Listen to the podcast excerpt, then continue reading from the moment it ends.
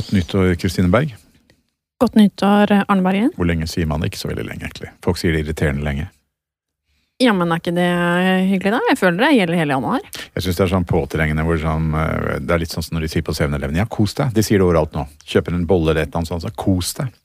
Er det flott, da? Nei, det er irriterende, fordi de, de er faktisk en påtrengende greie. Tenk om jeg er på vei ut i bilen for å ta selvmord i en garasje eller noe sånt. Altså, Kos deg kan du ikke si til folk ved enhver anledning. Ja, men Kanskje akkurat det som forhindrer at folk tar selvmord i garasjen etter å ha gått ut fra 7-Eleven, er nettopp fordi det står en svenske der og sier 'kos deg'. Tankevekkende. Mm. Um, hva har du på nattbordet? Fast stolpe. Um, akkurat nå så leser jeg en Tove Jansson-bok. Mummi.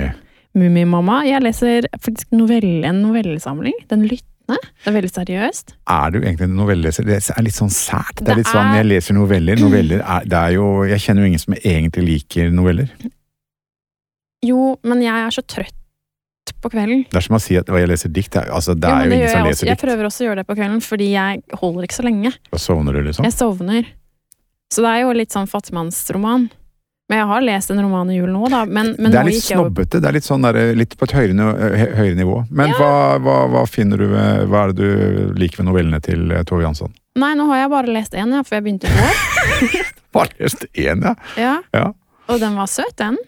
Noveller var sånn på skolen hvor det, det er noen som kom, de sitter på hvert sitt tog, og så stopper toget, og så i et lite øyeblikk så utveksler de et blikk, og de skjønner at livet altså Så går, går toget videre, og livet blir aldri mer det samme er mer litt- er samme. Pysete format. Jeg må si det, det er litt som kortfilmen, på en måte. Ja. Ja, grattis med kortfilm, liksom. Fikk du støtte til kortfilmen? Jeg Mm. mener folk spiller noveller fordi de ikke greier å skrive roman, Ja, egentlig. faktisk. Men nå har jo hun skrevet litt romaner òg, så man skal ikke kimse av Tove Jansson. Men det sto det at av alle bøker hun har skrevet for voksne, så var dette den mest høyest elskede Tove. Så da tenkte jeg ja, men pizzaen, la meg prøve, da. Mm -hmm. Helt ålreit. Fikk du en jul? Kjøpte den, eller? Jeg kjøpte den selv, Mhm. på Tronsmo, Okay. sammen med flere andre bøker som ligger i kø. Mm. -hmm. Spør meg hva jeg har på nattbordet. Arne, hva har du på nattbordet? Faktisk en bok om glukose. Glukosemåling. Ja, altså, den er jo en sak for diabetikere. Men jeg er helt Du har en bok om glukose? Ja, jeg er faktisk helt opphengt på glukose. Jeg fikk til jul en glukosemåler som du setter inn i armen. Det er jo egentlig greie for diabetikere. diabetikere. Jeg er jo, jeg er jo nesten i sonen av og til. Men, og, og, da kan du faktisk måle når du Du, kan, du tar øh, telefonen din opp, og så skanner du den måleren. Ja, men har du en bok eller måler? Jeg skjønner ikke. Nei, jeg leser jo om glukose. Og så har du også en måler? Så har jeg også en måler. Ah. Uh, og det er supergøy, for jeg kan måle hele tiden. Det er som gamifisere blodsukkeret ditt på en måte. Det jeg har lært nå, nå spør meg hva har du lært av dette? Hva har du lært av dette, Arne? Det jeg har lært er at uh, jeg spiker, og det er sånn ord vi diabetikere Jeg er jo ikke diabetiker, men vi, vi, vi spiker altså, du, du hiver i deg f.eks. litt raske karbohydrater, en sjokolade når du, når du skriver, for du tenker 'å, jeg trenger gjerne, gjerne øh, fôr', øh, fuel. Da spiker du, og da går det rett opp og rett ned igjen, og det er ikke bra for øh, konsentrasjonen. Så jeg kan følge med på Jeg har allerede stabilisert blodsukkeret mitt ganske mye. Nemlig. Ja. Jeg syns alle bør ha en blodsukkermåler i armen. Hvor, hva, hvordan, I armen? Hva, en teknisk, hva, hvordan har du den i armen? Det er en sånn sensor som du stikker inn i armen. Det er ikke noe vondt i det hele tatt. Så tar du på en plasterlapp, Ja. Og den sender til iPhone. Det er fantastisk moro. Ah, så du har blitt sånn halvt menneske, halvt robotaktig? Vi er mer enn halvt robot. Sånn cyberborg? jeg er cyber, ja. Jeg kommer til å leve evig. Jeg kommer til å, du, lenge etter at du er død, så går jeg rundt og lager podkast. Ja, ja, ja. Så det er dette du leser for tiden? Det er ikke, altså litt, men jeg, jeg leser litt om opphavsrett, fordi uh, vi får en gjest i dag. Jeg prøver å skjønne opphavsrett. Har faktisk uh, trodd jeg skjønte opphavsrett, men jeg skjønner det mindre og mindre. Mm. Eh, så eh, opphavsrett i film- og TV-bransjen er dønn umulig. Forskjellige regler over hele verden. Jeg skjønner mindre og mindre. Nemlig. Vi har faktisk en stolpe til. Ja. Eh. Remind me. Hva ser du på, Arne? Ja, da snakker vi TV, ikke sant? Ehm, jeg ser på en såpeserie fra Australia, altså relasjonsdrama, Mhm. som heter The Newsreader. Nemlig. Den har jeg jo sett. Ja, det var du som anbefalte meg den. Jeg har sett den sammen med mamma. Ja. Greier. Jeg hadde ikke lyst til å se den fordi du så den sammen med mora di, for da, det er ikke noe sånn Men da mora di ble hektet, sånn da mora di ble hekta, tenkte jeg ok, hun er jo på min alder, så da tenkte jeg det kan være noe for meg, og den er jo bra. Den er overraskende bra. Den er veldig, veldig bra. Den, den er full av klisjeer, men eh, du verden så godt de eh, turnerer klisjeene. Jeg tror det er bare du og jeg og dette miljøet her som er opptatt av australsk fjernsyn for tiden. Men, men den er bra. Den handler jo altså om en nyhetsredaksjon. Det er 80-tallet, uh, så det er litt nostalgi der. De spiller mye australsk popmusikk og sånn, som man husker uh, så vidt, har fortrengt. Uh, og, men det, men det, er, det er dritgodt skrevet. Fine karakterer. Begynner som vanlig litt kjedelig, men utvikler seg veldig. Glitrende skriving. De beveger seg rundt klisjeer og kjærlighet og homofile i skapet og aids-bølgen, og de tar forskjellige temaer, men de gjør det godt. Altså. Mye å lære av den serien. Hva ser du på Kristine Berg? Jeg ser på The Sinner sesong tre på Netflix. Er ikke det en jævlig sånn jålete, rar greie, da? Jo, den er jo det, altså. Um, og den går jo Det er en slags sånn krimgreie som stadig går over i noe litt sånn Den går vel langt inn i det psykologiske, plutselig litt sånn metafysiske-aktig, og kliner til med litt sånn eh, sitater fra Nietzsche og sånn. Er litt sånn Den er litt pompøs og for liksom den smarte seeren. Men eh, jeg liker den litt òg. Altså, den er rar og quirky, og de går langt i å liksom sette opp eh, corny ting og greier vi allerede har hatt baller til å tørre å gjøre sjæl, tror jeg. Mm. Det er litt sånn gøy og litt inspirerende. Oh, ja, vi er jo veldig i storyline-fasen, du og jeg, og da Mm. er det godt å se ting. Altså, man får jo nesten ideer uansett hva man ser på, så dytter inn ideer. Så det å la seg på en måte krysspollinere litt av andre serier er jo veldig digg, da. Superdeilig. Mm. Mm. Veldig mange podkaster så dukker det opp en gjest, så har de latt som den gjesten ikke var her. Eh, men vi har en gjest i studio nå. Han Ja. sitter og kjeder seg noe jævlig. Men Ja, sitter og driller Big Pennen sin her nå. ja. Men vi har han her fordi at eh, vi har jo lyst til å snakke om IP, som jeg prøvde å lese meg litt opp Mm. på. Jeg vet at du har det. Vi, vi burde jo være eksperter, vi som har så mye IP, eh, altså intellectual property, Mm. opphavsrett.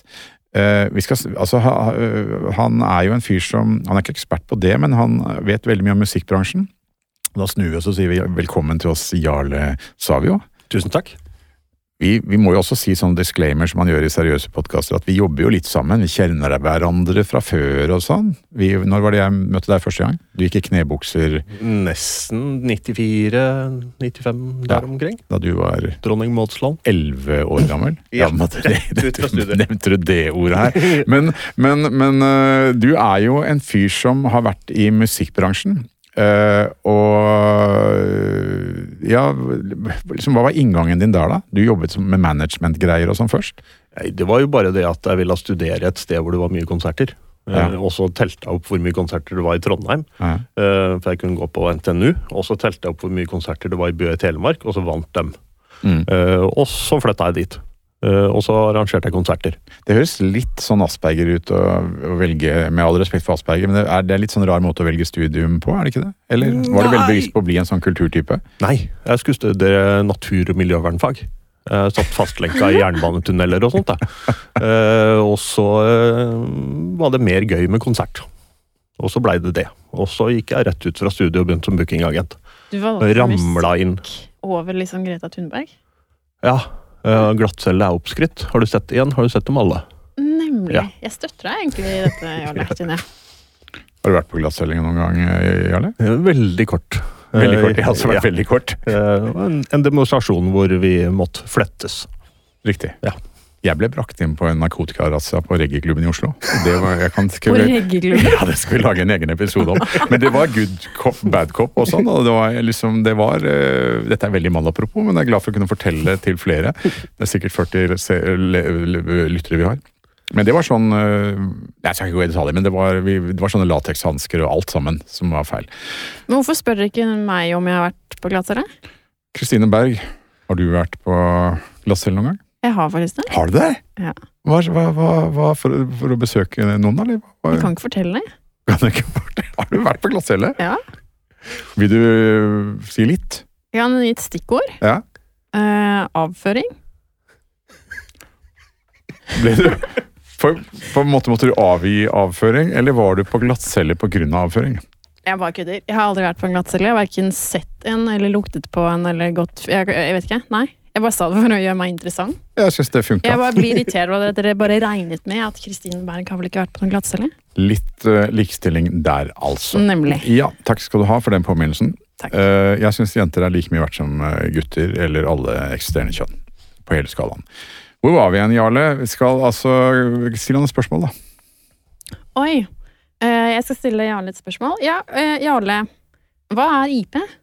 Jo, vi starter der, ja. Ja. Jeg bare starter, jeg nå. Ja. Vi sa vi skulle snakke om hype. Hva er det for noe? Jeg skjønner det ikke. Det er jo Helt- umulig. Altså, jeg har jobba med det her i musikkbransjen dritlenge. Og dere har jobba med det dritlenge i film- og TV-bransjen, men det er ingen som forstår det. Du må liksom til advokat hver eneste gang. Eh, men hva er det sånn kort sett? Det er, ja, hvis jeg har skapt et eller annet, så er det min IP. Eh, hvis jeg har lagd et design, eller skrevet noe, eller tatt et bilde, eh, eller tegna et hus. Men Hva er da forskjellen på IP og et åndsverk? Det er ofte det samme, da. Mhm. Eh, også et åndsverk er jo noe som er lagd, brukes mest til musikk, egentlig, men det er jo egentlig også om du har designa operaen, så er det jo et åndsverk. Eh, Mhm. Men det er da også IP. Og det er jo, IP er jo egentlig et ord som bare har kommet inn i norsk, uh, ord, norsk språk. Eh, her har vi egentlig prata mer om opphavsrett og copyright, som også er et engelsk ord. Mm. Eh, Men så har liksom da med IT-boomen, så har jo da IP kommet. eh, Og blitt litt et motord, for alle skal eie sin egen IP.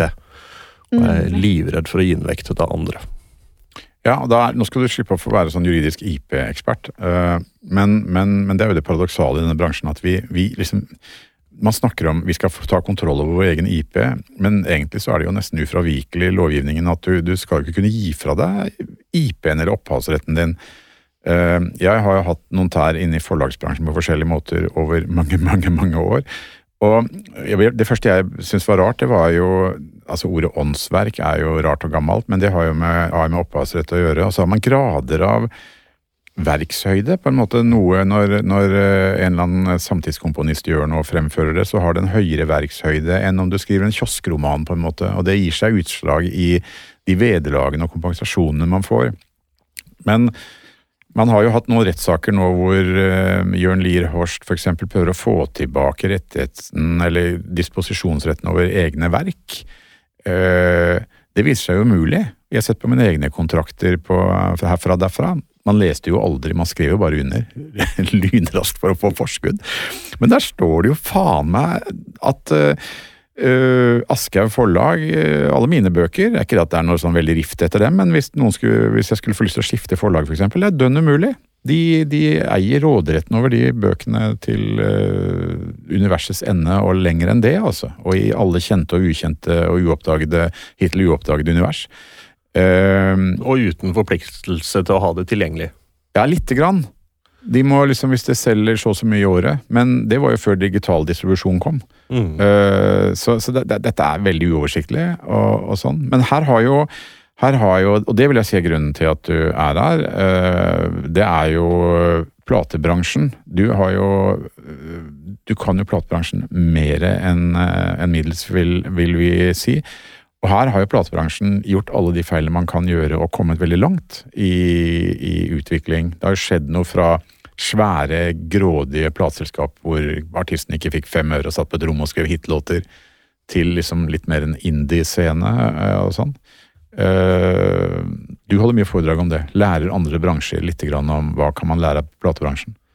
Hvis Ja. du skal oppsummere det i tre setninger. Altså Det er jo først og fremst ikke ramle opp i alle hulla som platebransjen var i. Mm. Eh, ikke, ikke fornærme eget publikum. Mm. Eh, det var jo noe platebransjen var veldig flinke til. Ja. Eh, og så lage kopisperre på ting, sånn at brukeren som faktisk hadde kjøpt det, ikke fikk spille av CD-en i bilen eller kopiert den Ja, til jo- MP3-spilleren sin. Dønn umulig. Ja, det fungerte jo ikke. Eh, og når du skal konkurrere med gratis, må du ha et produkt som er bedre enn gratis. Eh, det var jo et problem da det her kom, og alt av musikk lå på nettet, lå på Napster og Kassa og sånne ting. Så var da direktører i USA dritredde for å selge musikk i høy kvalitet, altså masterkvalitet. Eh, For de sa at ja, men vi kan jo ikke devaluere musikken, og da har vi jo lagt masteren på nett og sånn. Og så ja, men masteren ligger på nettet, det er bare å søke. Det, alt ligger der. Ja? Men noen som hører på den podkasten, har jo sett på demografien her. Vi har eh, 27 lyttere over 40, og så har vi liksom 60 mellom eh, 25 og 35. Men vi har også en god porsjon folk som er liksom 17 til 25, de aner jo faen ikke hva en kassett er engang. De har ikke peiling. Master, de aner ikke. Hvis du skulle prøve å ta, ta, ta platebransjen sånn for dummies, da, eller for folk som ikke vet hva en kassettspiller er, hva, hva, hva, hvordan For du snakker jo her om de store selskapene og industrien. Uh, fra artistsiden, hva er det som har skjedd liksom fra, fra du begynte i bransjen på 90-tallet til nå? Hva er den store forskjellen du ser? Uh, gis ut sjukt mye mer musikk nå uh, enn det gjorde før. Uh, da jeg starta i EMI i 2003, så var vi 40 ansatt. Da jeg slutta ti år seinere, så var vi 16, og vi ga ut akkurat like mye musikk.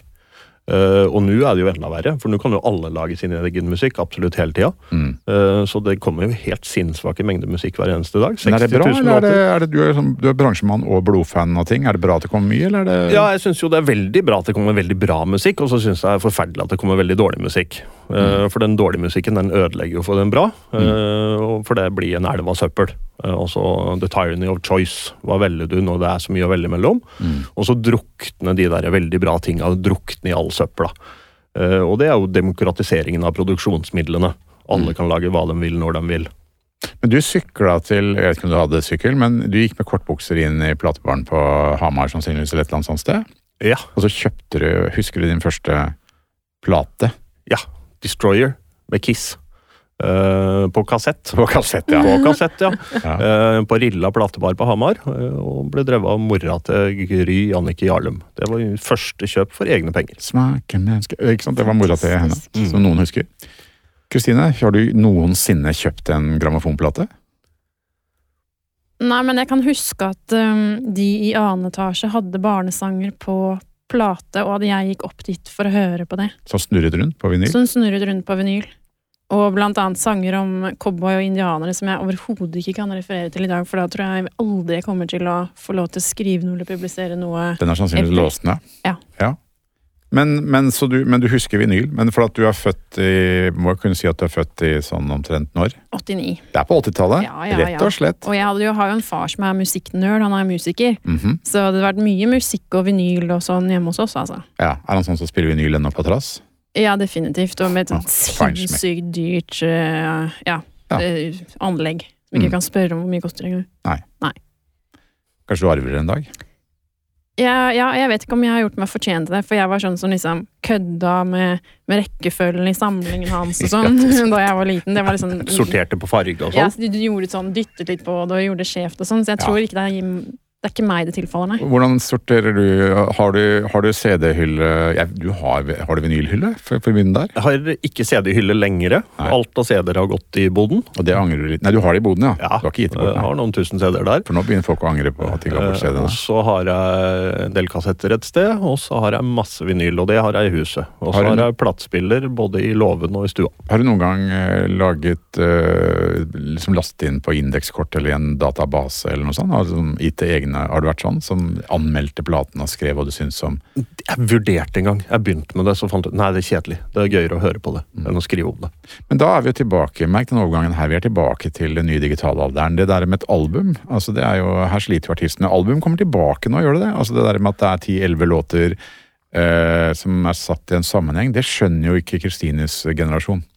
Men det forsvinner aldri. Hun har aldri hørt Abbey Road og Beatles i riktig rekkefølge, sannsynligvis.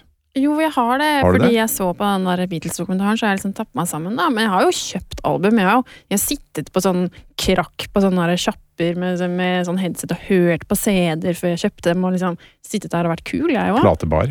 Ja, ja. Jeg er ikke så ung. Nei.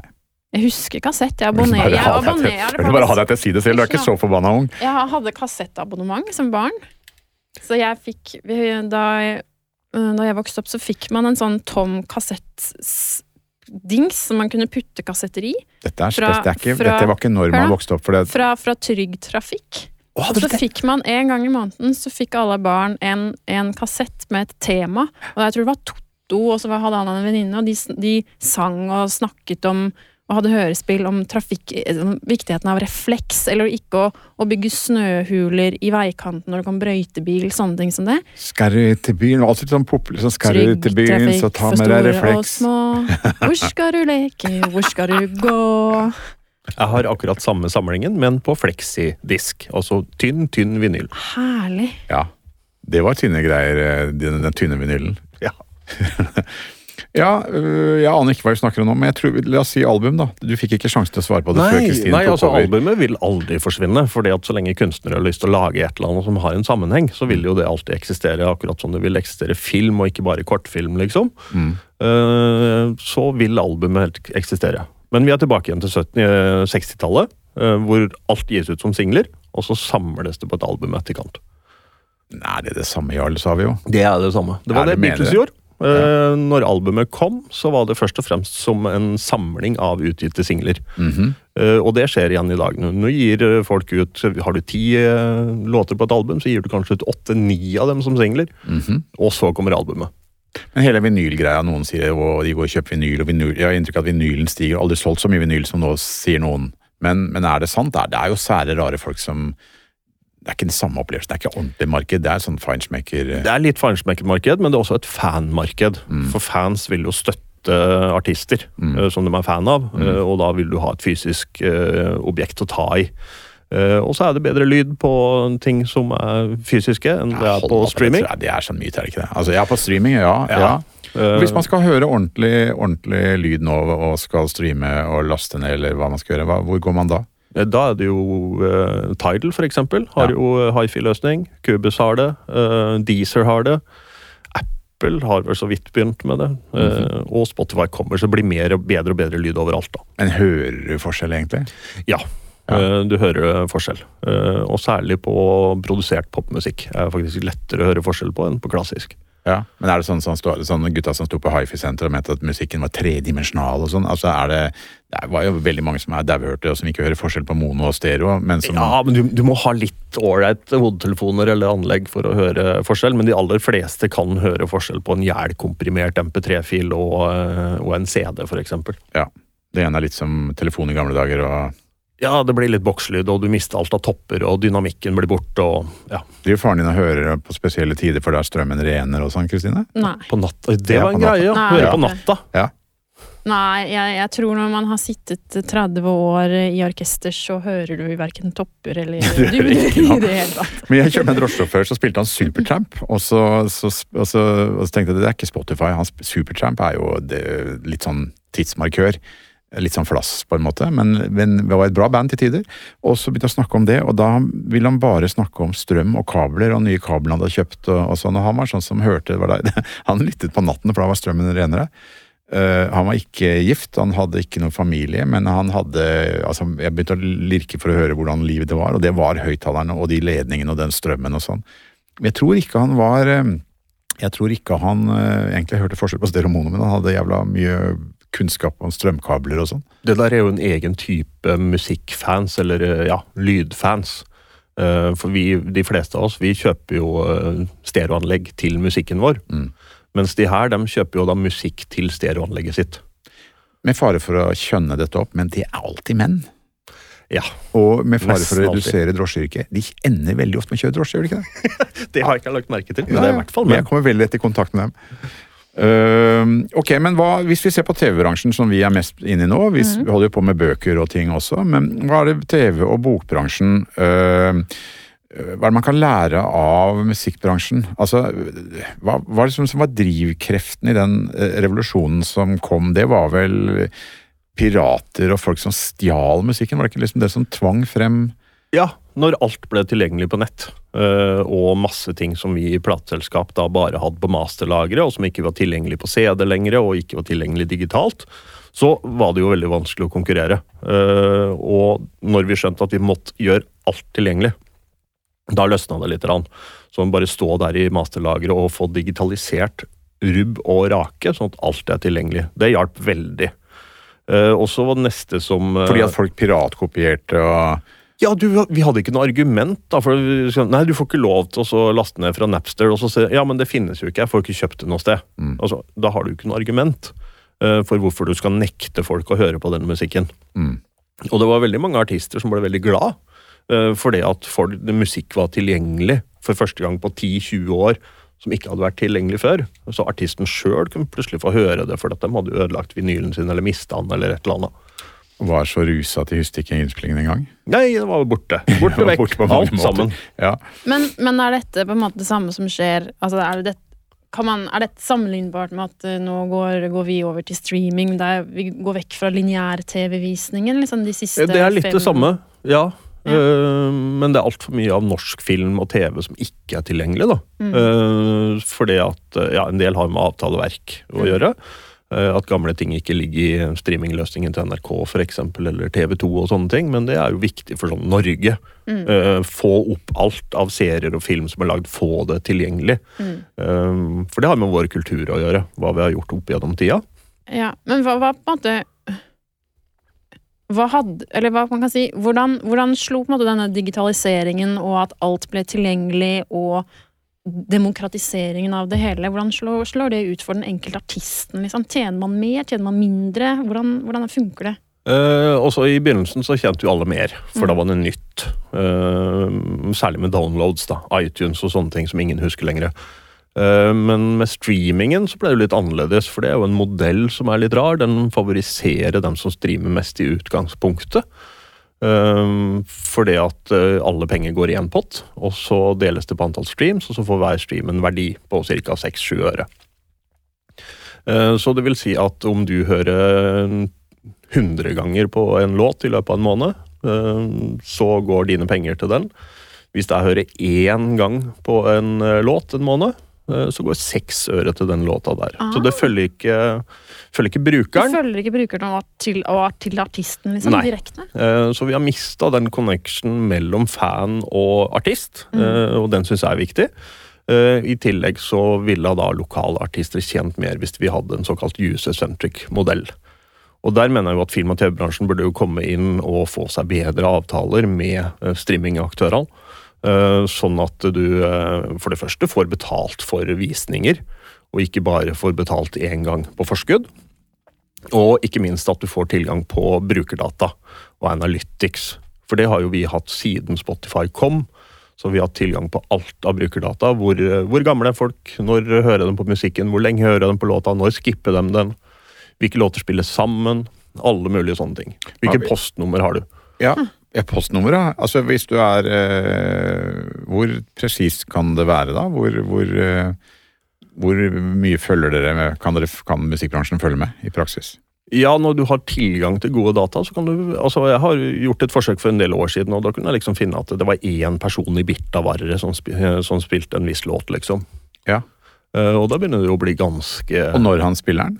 Ja. Og kan du, ikke sant? Hvis det er en Spotify-konto, så har han vel sagt om han er mann eller kvinne eller noen av de andre variantene? Ja.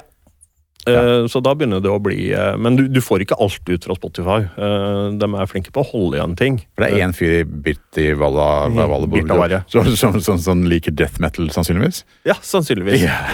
Eh, nei, det er jo anonymisert. Eh, Ja, ja. Så vi, Det er poenget mitt, at det, det er så, ikke sant? Det er jo han ene, det. Men særlig når det er få data.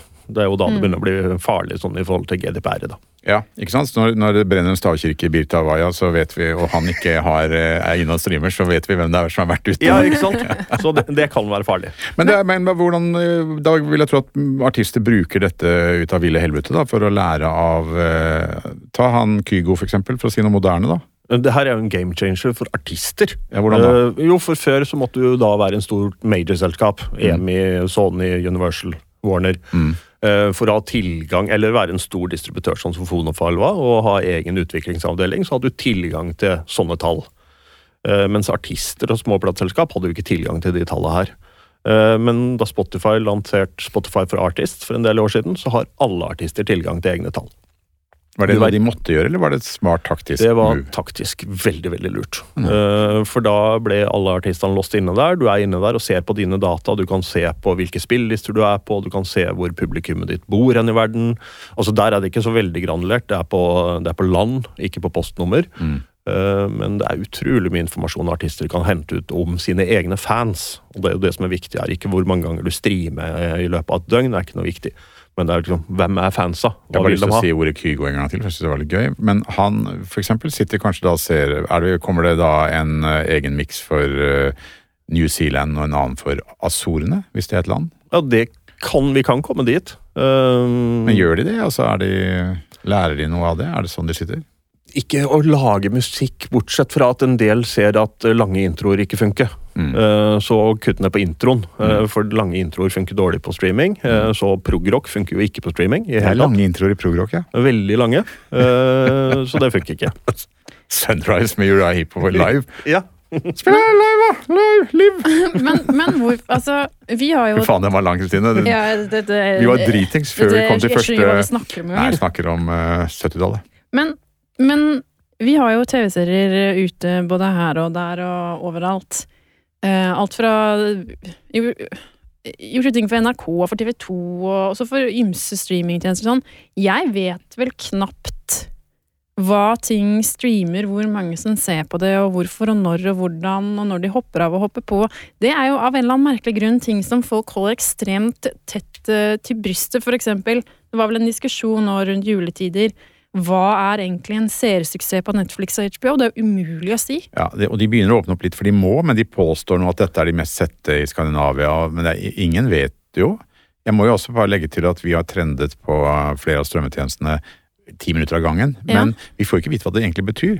Nei, men hvorfor ikke, eller hva er, hva liksom valutaen? Hvorfor, hvorfor deler de ikke dette med den som skaper serien? Hvorfor, jeg skjønner ikke Kan det være fordi at, at uh, hvis du genererte seere til TV 2 eller en reklamefinansiert kanal, så visste man på en måte hva den seingen har vært. Ah. Uh, mens, mens det er en litt sånn veldig lukket system, vil jeg tro. Litt sånn som kanskje strømming var til å begynne med i platebransjen. Altså, hva, hva, er en, hva er et view verdt? Det er klart at hvis Netflix begynner å fortelle deg det, så gir de fra seg noe av makten. Uh, Ja, men det det er, ville jo gitt meg som kreatør en mulighet hvert fall til å justere meg inn med tanke på hvordan ting treffer, for å kunne skape større verdi for Netflix neste ja, gang. og her har vi jo det inntrykket, Kristina, av at, at, at vi, vi trodde jo på en måte Netflix, eller Amazon da særlig, skulle begynne å gi veldig mye mer brukerdata og si til kreatørene da uh, En som skal være en showrunner og utvikle en serie, at det må være øh, Dere må minst ha med det og det, og så en sånn en, og en sånn mann og en sånn kvinne og en sånn konflikt, for det, liksom, det trender bra. Og jeg tror jo Amazon var litt der eh, til å begynne med, men det funka ikke. Hollywood ble superredd og ville ha masse frihet og, og sånn. Og så, så gikk det ikke. Men og, så når man snakker med de som vi har møtt som da har laget ting for Netflix, så, så blander de seg veldig lite med å komme ut fra brukerdata.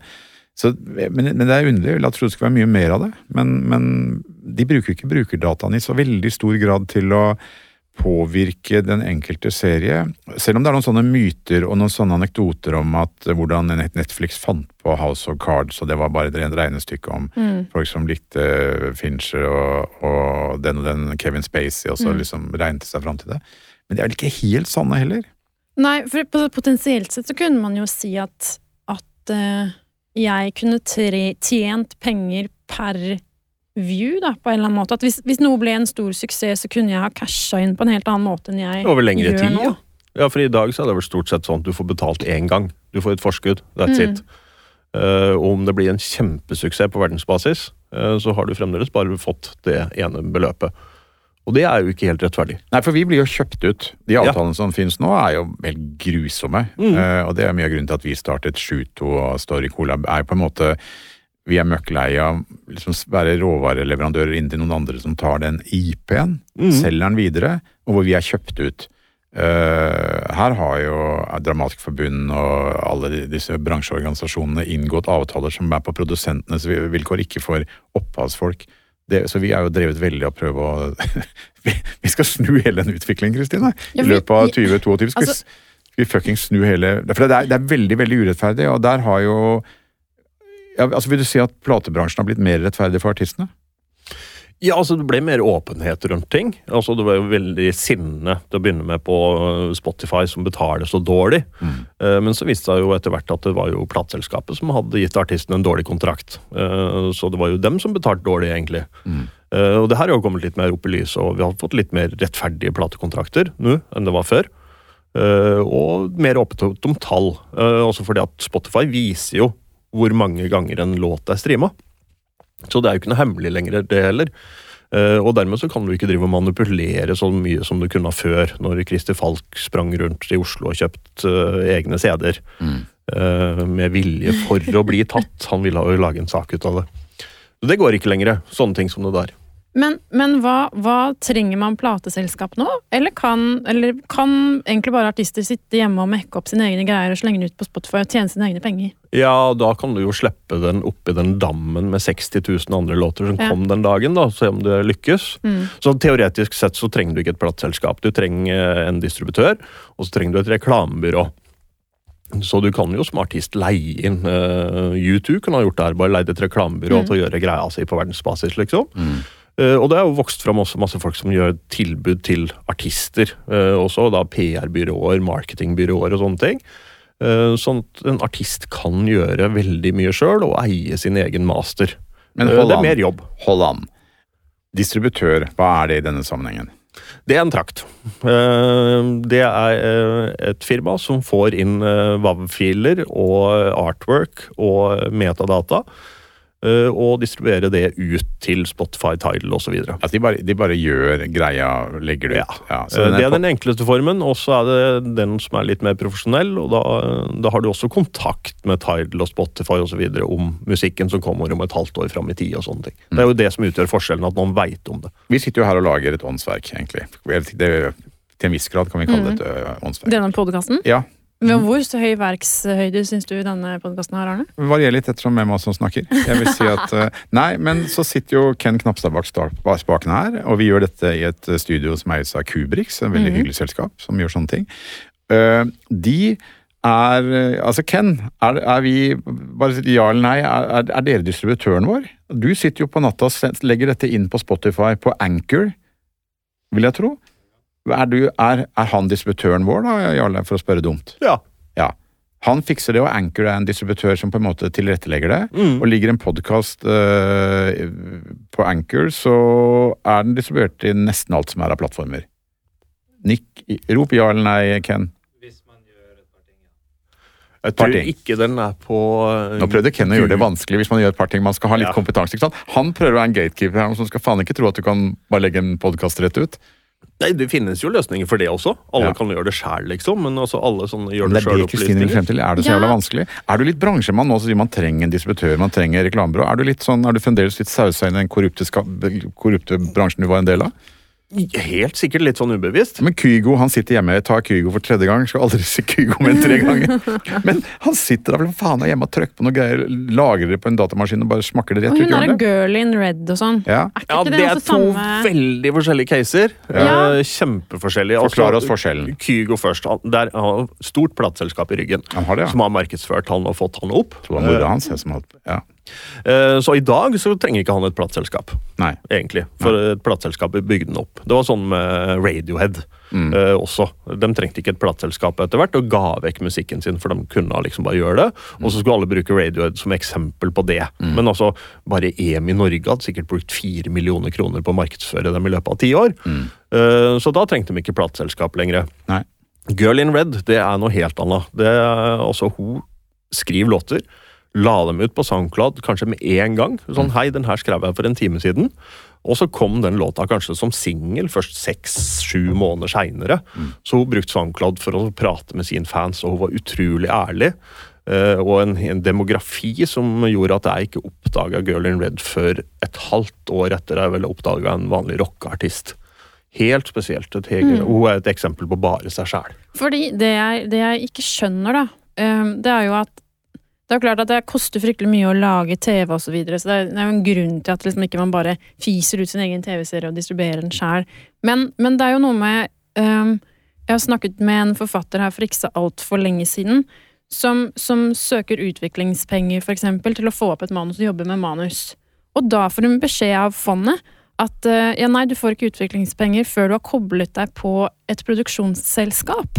Det er det jeg liksom ikke helt skjønner, for det virker som om mu altså, musikkbransjen har kommet ett steg videre. Det er liksom det er mulig å produsere sine egne greier og få det ut, mens her liksom sitter developerne som sitter på penga og fondet, sitter og liksom holder igjen. Ja, vi, og vi Og da tvinges vi jo også til å gi fra oss IP, fordi kontraktene med disse store produksjonsselskapene er jo beinharde på nettopp IP, rettigheter osv. ja, Ja, Du sa fond, og da mener du Norsk Filminstitutt? ja, blant annet. Og der finner man, liksom Beslutningstakerne der kommer jo ofte fra en bransje som de skal tilbake til.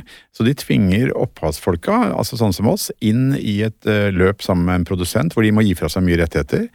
Og nesten uten unntak så har lederne i Norsk Filminstitutt, eller de som har vært sånn premissleverandører, kommet fra den bransjen, som er produsenter, ikke opphavere. Det er sjelden kreative folk ender i Norsk Filminstitutt, det er synd å si. Og så skal de tilbake der og får toppjobber etterpå.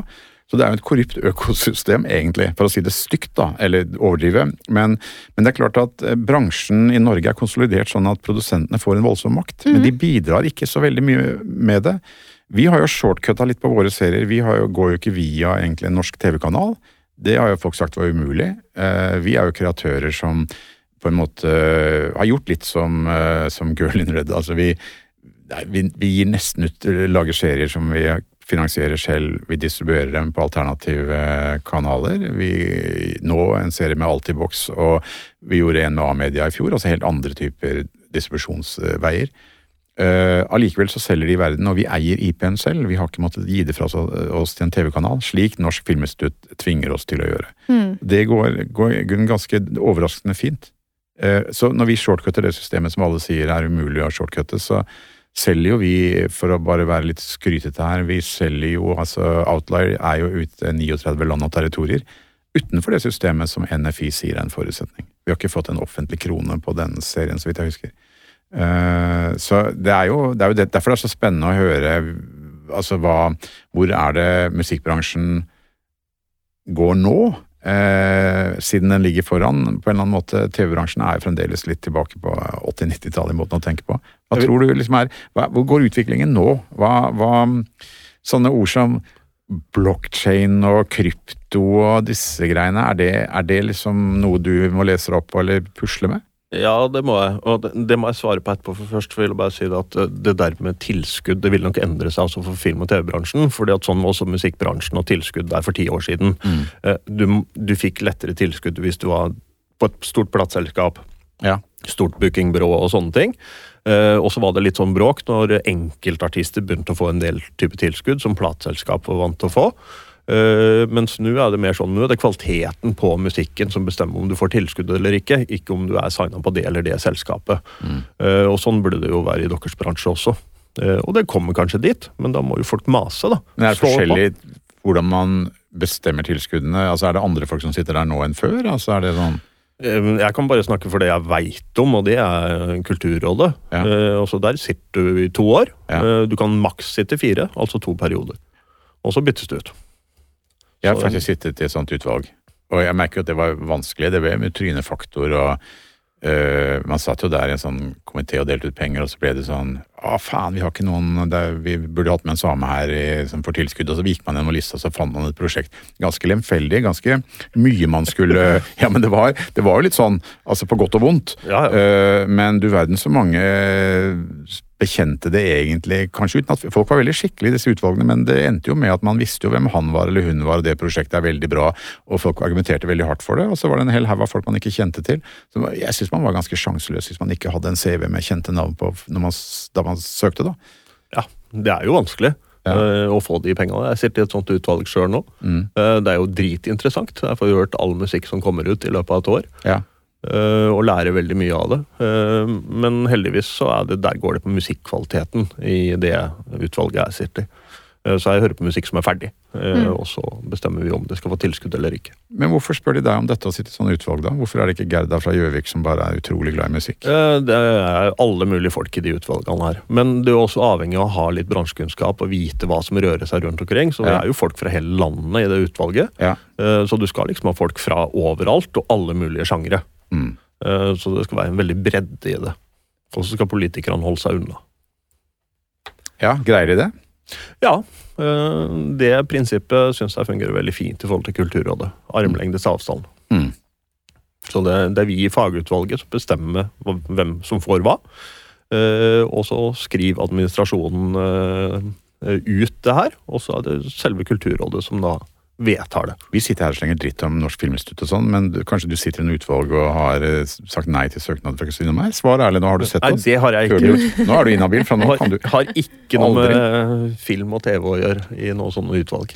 Jo, men, nei, men ta, gå over fra til litt sånn Hva skjer med blockchain og disse greiene her? Her har jeg inntrykk av at øh, revolusjonen kommer i nesten alle våre bransjer. Vi prøver å lese oss opp. Vi skjønner ikke så veldig mye Ja, for jeg skjønner, jeg, jeg har hørt ordet blockchain 18 ganger og har liksom prøvd å lese meg opp på noen artikler og sånn, men jeg må innrømme at jeg ikke helt skjønner greia. Det er blockchain Hva er Det Det er helt umulig. Uh, for at, Hvis du skal eh, drepe kona di og du bor på Lørenskog, så er blockchain et must. Da må du på Ja, da må du kunne da må du krypto kunne krypto.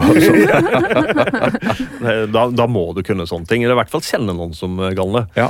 Uh, Jeg prøvde i går også å skrive ned en forklaring på hva blockchain er, og fant ut at det er jo ganske vanskelig å skrive noe som er bedre enn det som eh, Store norske leksikon har skrevet. Selv med én dags varsel så greier du faen ikke å gjøre rede for det. Nei, nei, nei. Eh, For det er, det er ikke noe vits å sitte og skrive om ting som folk har skrevet bedre før. Så her er hva Store norske si. En blokkjede er en desentralisert og distribuert digital regnskapsbok som gjør det mulig å registrere, spore og synliggjøre alle digitale transaksjon, transaksjoner. Ja, så da kan du jo bare ta morderen i Lørenskog-saken, hvis det er mulig å spore det. Ja, men du må være inne i systemet for å kunne spore det. Det er også Ah. lage, kan også lages for å skjule spor. Mm -hmm. uh, og altså, ordet forklarer en del for en blokkjede. Mm. Uh, så hvert uh, ledd i kjeden bygger på eh, leddet foran. Så du kan ikke gå tilbake igjen og begynne å endre på ting bak i kjeden, sånn som du kan i en vanlig regnskapsbok. Skal du bare bruke Tippex og skrive et nytt tall. Eh, Det kan du ikke her. Så fordelen da, når vi prøver Vi hadde jo en serie som da plutselig viste seg at den gikk på New Zealand. eh, og vet du, vi har nevnt den før. Vi har ikke idé om hvem som har solgt den, og vi får ikke noe penger. Og det der jævla møkkasystemet fra det jævla møkkaselskapet vi en gang jobbet i, uh, greier jo ikke å gjøre Si rede hvilket for selskap det var, da. Nei, jeg vil ikke si. Uh, men men, uh, men poenget er jo at altså det er jo Halve Succession er jo beskrevet Ja, ok. Men altså poenget er jo at det er vanskelig akkurat å finne traction på hvem, hvem har solgt dette videre, hvor er penga, hvordan skal vi kreve dem inn? Det er sikkert, Vi snakker om 300 kroner her, men, men, eh, men, men, men det er jo akkurat dette, er det ikke dette det handler om? Altså, Jo, altså- transparens? kan løse øh, altså, Blokkjeden Blockchain ble lagd for å lage et system som kan stoles på. Mm. Øh, For det er veldig, veldig sikkert. Altså ikke en ringperm. Det er ikke en ringperm hvor ja. folk kan gå og kødde og skrive nye ting, liksom. Ja. Øh, Det er veldig sikkert, øh, og kan, skal kunne stoles på. Og så har vi smarte kontrakter som kan bygges oppå det her systemet igjen. Mm. Som gjør at det er sånn eh, hva hvis-type kontrakter. Så hvis serien sendes i USA, eh, så Eller det skal egentlig være sånn, hvis dere har fått penger for at serien skal vises i USA, så kan den vises i USA, og pengene går direkte videre til dere med en gang. I motsetning til sånn som det er i dag, hvor du liksom må ringe noen, få tak i en papirkontrakt, eh, vente et år på pengene og sånt noe. Så det skjer jo veldig mye innen musikk. At du bruker det her til å avregne royalty. Nå sitter jo mm, TV-bransjen og har jo ofte sånn syvårskontrakter med eksklusivitet og sånn. og så kommer noen etter de syv årene. øh, vi var med på en serie som eller var vår, som heter Hvaler. Gikk i 2007 til 2009 på TV 2. Kontrakten er gått ut. Så noen, noen har henvendt seg og sier vi kunne tenke oss å vise den serien på en annen kanal. Eh, og så ringer de et, uh, et produksjonsselskapet, der, lever jo ingen, der jobber det ingen som levde på den tiden. Uh, det er faktisk bare jeg som lever av de som lagde serien. og, og det er en ringeperm, og ingen finner den, ingen som vet hva realitetene er. Uh, og, og derfor selges det ikke om igjen. altså rett og slett, Det er jo marerittet NRK har vært overfor. Ja, de skulle kanskje sende noe fjernsynsteater fra 60-tallet, men det viser at folk har jo rettigheter i 50 år, og en- enkene til han som på en måte holdt en mikrofon, har jo rettigheter. Mm. Det er ganske, ganske komplisert. Jeg vil jo tro at blockchain, smartkontrakter, vil gjøre alt dette mye enklere. Men jeg skjønner egentlig ikke, om jeg skal være rungende ærlig, at dette er noe annet enn en digitalisert ringperm, som er litt lettere å finne. Det er på en måte en digitalisert ringperm. Du slipper å gå leite i kjellerne til den Så hvorfor kontrakten. kaller vi det digi... Altså, hvorfor kaller vi det ikke digiperm? Digiperm. Nei, Jeg syns smart kontrakt er egentlig et ganske godt ord. Ja. eh, fordi at det er mm, Altså, visse ting må oppfylles for at kontrakten skal være gyldig. Uh, og da skjer ting av seg sjøl. Nå veit jeg du gruer deg, for at vi skal, stikkordet er NFT. Ja! Non-fungible token. Ikke soppbar. Eh, eh, token, altså Eller skjetong, eller hva som helst. Ja. Helt umulig å oversette til norsk. De bare slapper av vrir Ja. Ja. Uh, Så hva er NFT? Fungible? sa vi jo. For alle snakker om det. Ja, alle Fungus. snakker om det. Ja. ja, det er fungus og mangus. Ja. Ehm, og det er egentlig et digitalt sertifikat som du kan feste til hvilket som helst digitalt produkt eller fil. Mhm. Eh, og det sertifikatet sier hvem som eier det, hvem som har kjøpt det, og har hele også historien på videresalg. Uh, og nå kan du også feste det til en vinflaske. eh, og si at det er du som eier den veldig veldig dyre vinen her. Mm -hmm. så det er et digitalt sertifikat. Den enkle måten. feste på, på en digital måte. Det er ikke liksom altså for, det, er ikke det, det er ikke et klistremerke, liksom. Hva Nei, er det? det QR-kode? Hvordan? Det er en liten kodesnutt eh, som forteller hvem som fester man en kodesnutt med en viseflaske? Ja, den er litt verre, eh, for da har du plutselig et fysisk objekt Jævlig som dårlig eksempel. Han eh, kommer sannsynligvis. Han ja. angrer på det. selv. Ja, jeg angrer jo på det. For det, ja, da er det, et fysisk, nivå, det er et fysisk objekt som har et digitalt sertifikat. Skjønner. Tenk på det som en glukosemåler. Ja. Så det kunne like godt vært et papir, egentlig, Ja. med den måten å løse det på. Men i forhold til de digitale objektene, altså nå hadde det vært veldig mye kunst uh, som selges for helt ville summer. Eh, med sånne NFT-er, at folk samler på digital kunst. eh, låter, bilder, alt mulig rart. Promp. Mm. Eh, en fyr i USA som solgte et år med promp for 89 dollar. Lyden av det. Så det er Og da ikke er det engang din, hvis jeg kjøper den, så er det min promp? Da er din, ja. Ja, da har du kjøpt en idé om en promp, i hvert fall, for det er jo bare lyden av det. Så det er jo ikke selve prompen engang. Og da er det jeg som tjener penger på den. Hvis jeg selger den prompen videre, så får jeg, kan jeg få tre kroner eller fem kroner eller Problemet med de NFT-ene som har vært nå, er at de fungerer bare innenfor sitt eget økosystem. Så hvis du selger det ut derfra, så slutter du å tracke ting. Eh, Så det er liksom Det er ikke nok eh, Altså, du kan ikke bruke en NFT som er laget på Ethereum Mm. i en annen type blokkjede.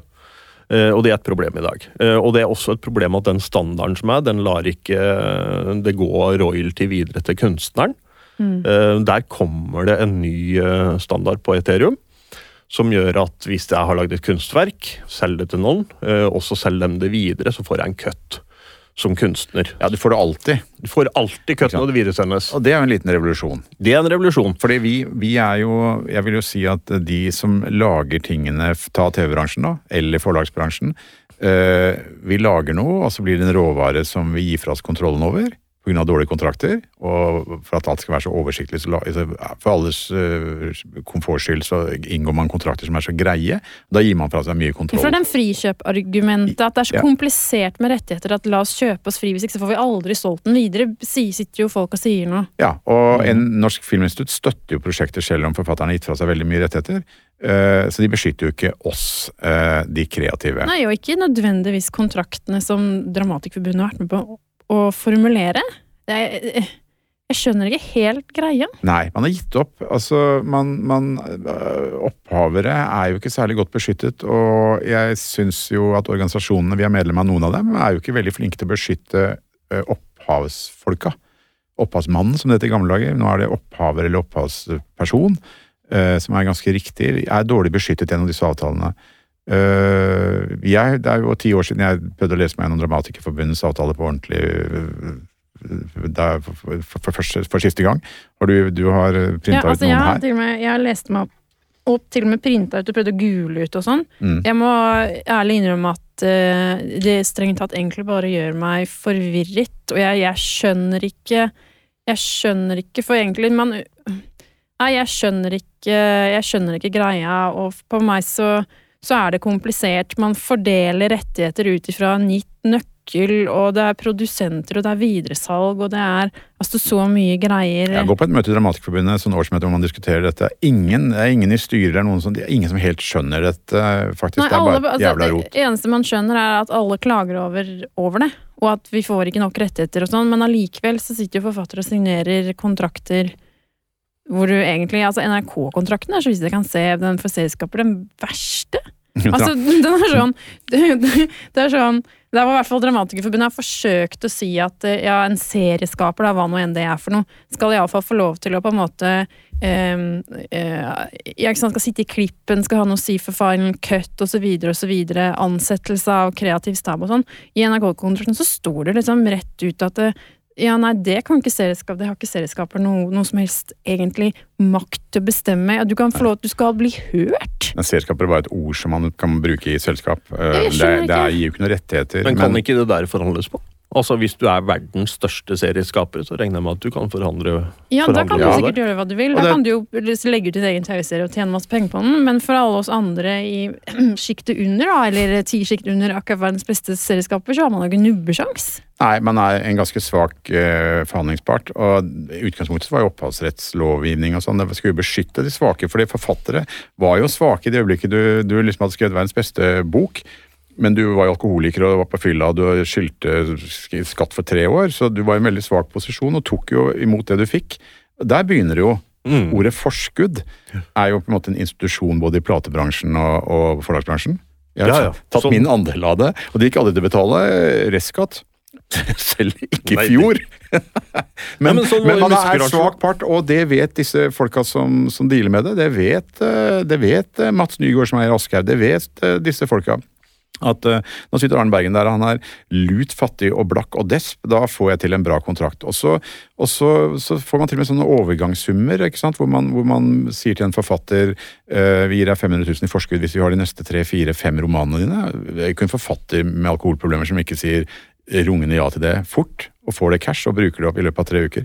Så, så det skulle jo opphavs, eh, altså åndsverksloven beskytte litt grann mot, Men men du trenger ikke være alkoholiker for å si ja til det. Altså, jeg mener hele... Det er ikke noe test hvis du er forfatter som ikke er, har alkoholprogrammer. altså, alle TV-forfattere jeg kjenner jeg mener, Vi undertegner på hva som helst, men er det, er det, kanskje er det vår skyld, eller hva? Jeg, bør vi bare skjerpe oss, eller hva- hvordan Mer advokater. Altså Advokater er jo eneste som tjener penger på det her. Mm. Alltid. Ja. Eh, og det bør kanskje litt flere advokater inn. Altså må det, altså Musikkbransjen har jo løst det. Det er jo komiteer som skriver låter. Altså 20 stykker har rettigheter i en låt, og det er jo løst. Ja, og da, ja. Og da, da kommer jo smartkontrakter inn.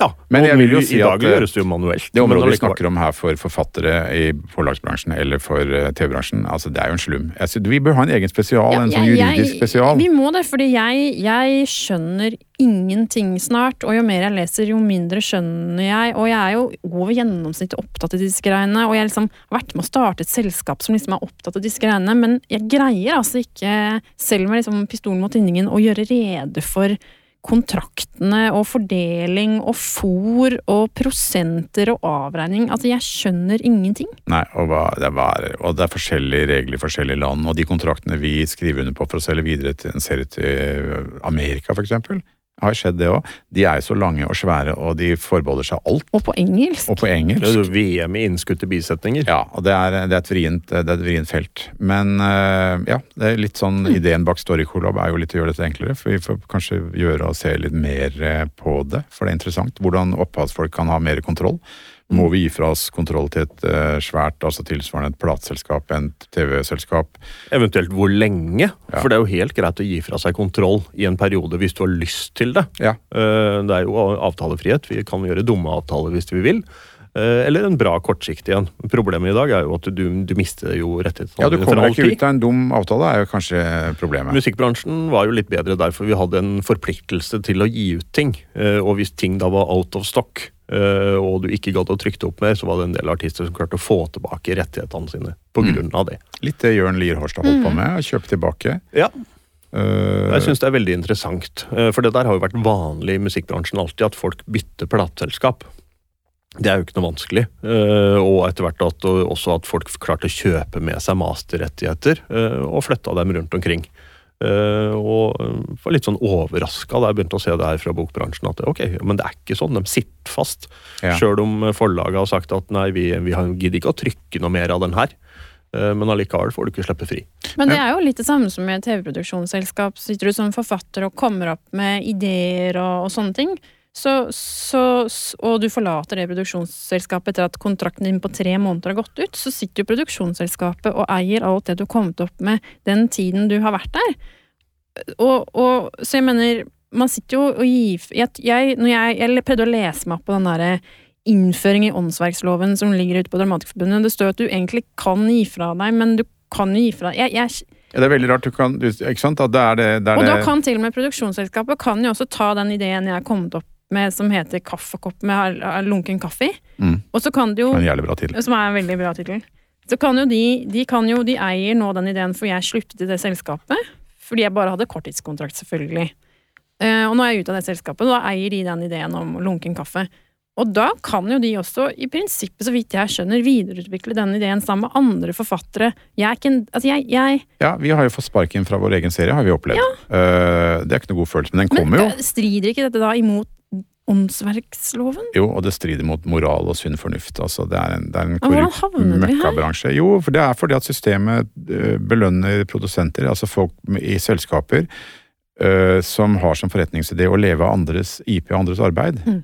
Dypest sett snakker vi om kapitalismens natur her, og det er derfor det er litt vanskelig. Uh, men ideen om at eh, et selskap som ikke egentlig utvikler noe, men er avhengig av frilansere, som de kjøper rettighetene fra for å selge dem på internasjonalt marked, det er jo det som er det er jo det som er det korrupte, stygge, fæle her. Kjente jeg at jeg ble kommunist?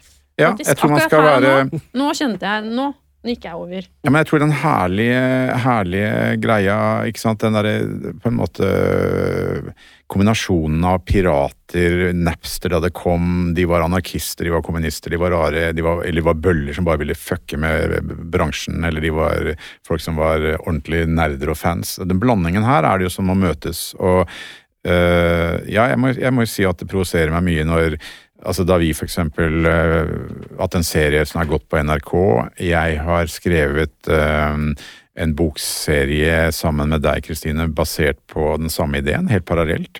Eh, når vi da plutselig har lyst til å lage en spillefilm, så skjønner vi plutselig at den er låst fast i det selskapet som lagde TV-serien, Mm. av en kontrakt som vi ikke leste grundig nok eller skjønte rekkevidden av.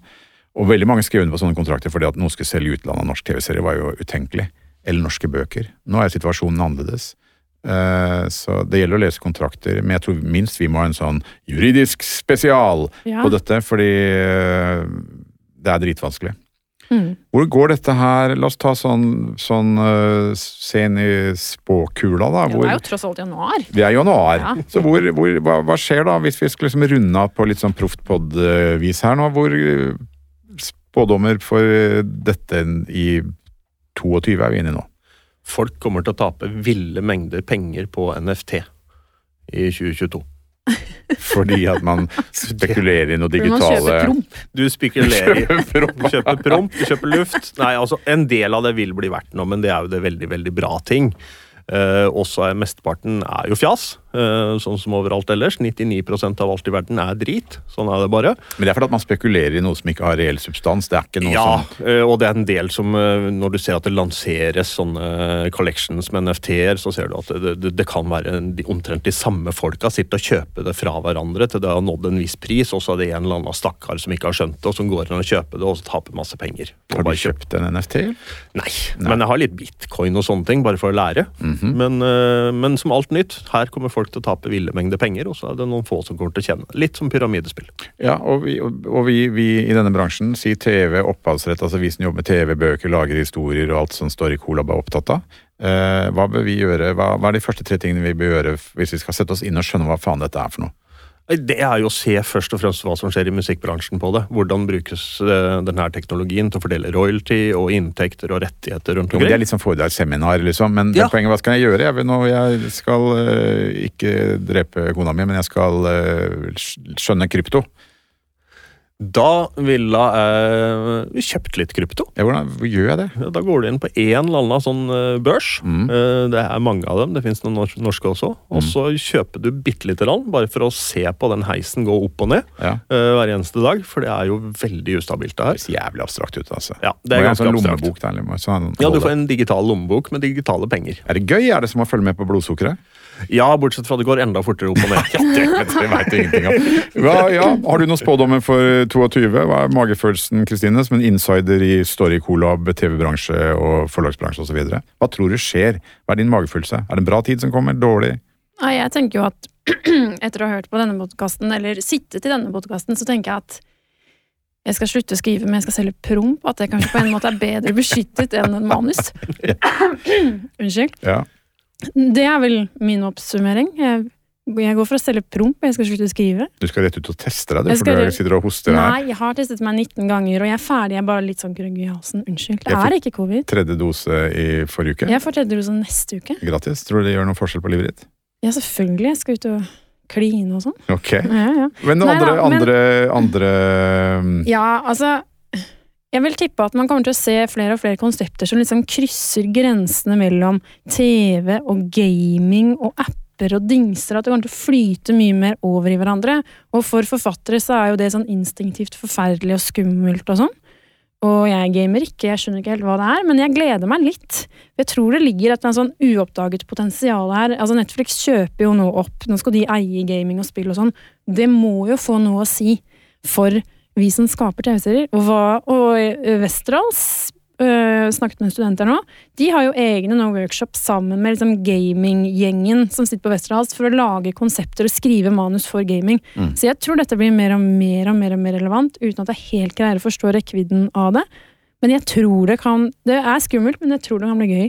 Det kommer noen spillene som er helt vilt bra på det her med eh, historiefortelling. Som ligner mer på film enn spill, egentlig. Eh, og nå har teknologien blitt så bra at det ser bra ut. Uh, og det kom et spill kanskje i fjor, jeg husker ikke helt, men der styrer du to forskjellige personer med hver sin din tommel, og de må samarbeide hele tida. Eh, og dem som, Jeg har ikke spilt det her sjøl, men dem som har spilt det, sier at det er helt vilt. Det er sånn til å Mm. gråte av historiemessig. Yes. Jeg håper liksom at det blir bedre enn sånn Black Mirror-varianten, hvor du satt Jeg prøvde jo til slutt å drepe den hovedpersonen og velge feil. Ja. Kan jeg komme meg ut av denne episoden? Jeg synes den er dritt. Kan jeg, kan jeg vær så snill slippe? Så jeg Ja. kastet meg ut av en bygning, eller kastet hovedpersonen ut av en bygning, bare havna i en sånn loop. Jeg bare håper og ber om at uh, denne sammenblandingen av formater skal greie å ende opp i noe bedre enn det. Altså. Du høres ut som en helt annen person enn til å begynne med. skifta stemme, liksom. Spør meg, da, helt avslutningsvis. Hva, hva, hva på en måte Spør meg nå. Ja, Arne, hvis du skal kikke inn i, i kulen Kul. for 2022, Arne, hva ser du da? Da, og da kjenner jeg instinktet som sånn konservativ og dette har vi hørt så mange ganger før. Interaktive historier og sånt. Og når så man det første gang du kunne velge om, om karakteren gikk til høyre eller venstre. Litt sånn som Black Mirror, som var Ja. dritkjedelig. Forferdelig. For man gjør det én gang, og så blir man lei. Eh, Men, men, men samtidig så tror jeg feilen vår bransje har gjort, er jo Nei, AR kommer ikke, eller VR, det er oppskrytt, det kommer ikke. Gang på gang så har man liksom sagt eh, nå er vi lei av det, gaming, altså sånne historier som også er TV-serier og sånn. Det kommer ikke, men jeg tror jo det kommer voldsomt nå. Eh, nå har vi sagt så mye at VR og AR er bare en blaff. Eh, Pokémon Go er vi som lei av. Jeg tror det kommer. Jeg tror du har helt rett, Kristin. Jeg tror den derre der sammensmeltingen og de forskjellige formatene her, og at det er en ny generasjon som ikke er vant til å sitte og se lineære TV-serier. At de eh, blir ganske viktige å forstå. Hyggelig at du sier at jeg har rett. Det er sånn once in a lifetime, på en måte. Kan du klippe ut det, Ken? Da kan vi, gå, kan vi ta det om igjen? Arne Bergen sier at Kristine Berg, jeg tror du har rett. Jeg, tror, jeg er sjokkert. Det er veldig hyggelig, Arne. Jeg tror Det er gøy at vi er enige. Moro å jobbe med deg, moro å jobbe med yngre mennesker. Moro å ha deg her, Jarle, som en sånn mellomting mellom oss to. Hvor gammel er du egentlig? Jeg er jo gammel, jeg er 52. Ja. Holder deg godt? Takk. Bra blodsukker sannsynligvis? Har ikke peiling. Anbefaler alle en blodsukkermåler. Jeg føler at vi nådde slutten her. Takk for, takk for nå, Kristina. Tusen takk for nå, Arne og Jarle. Ha det.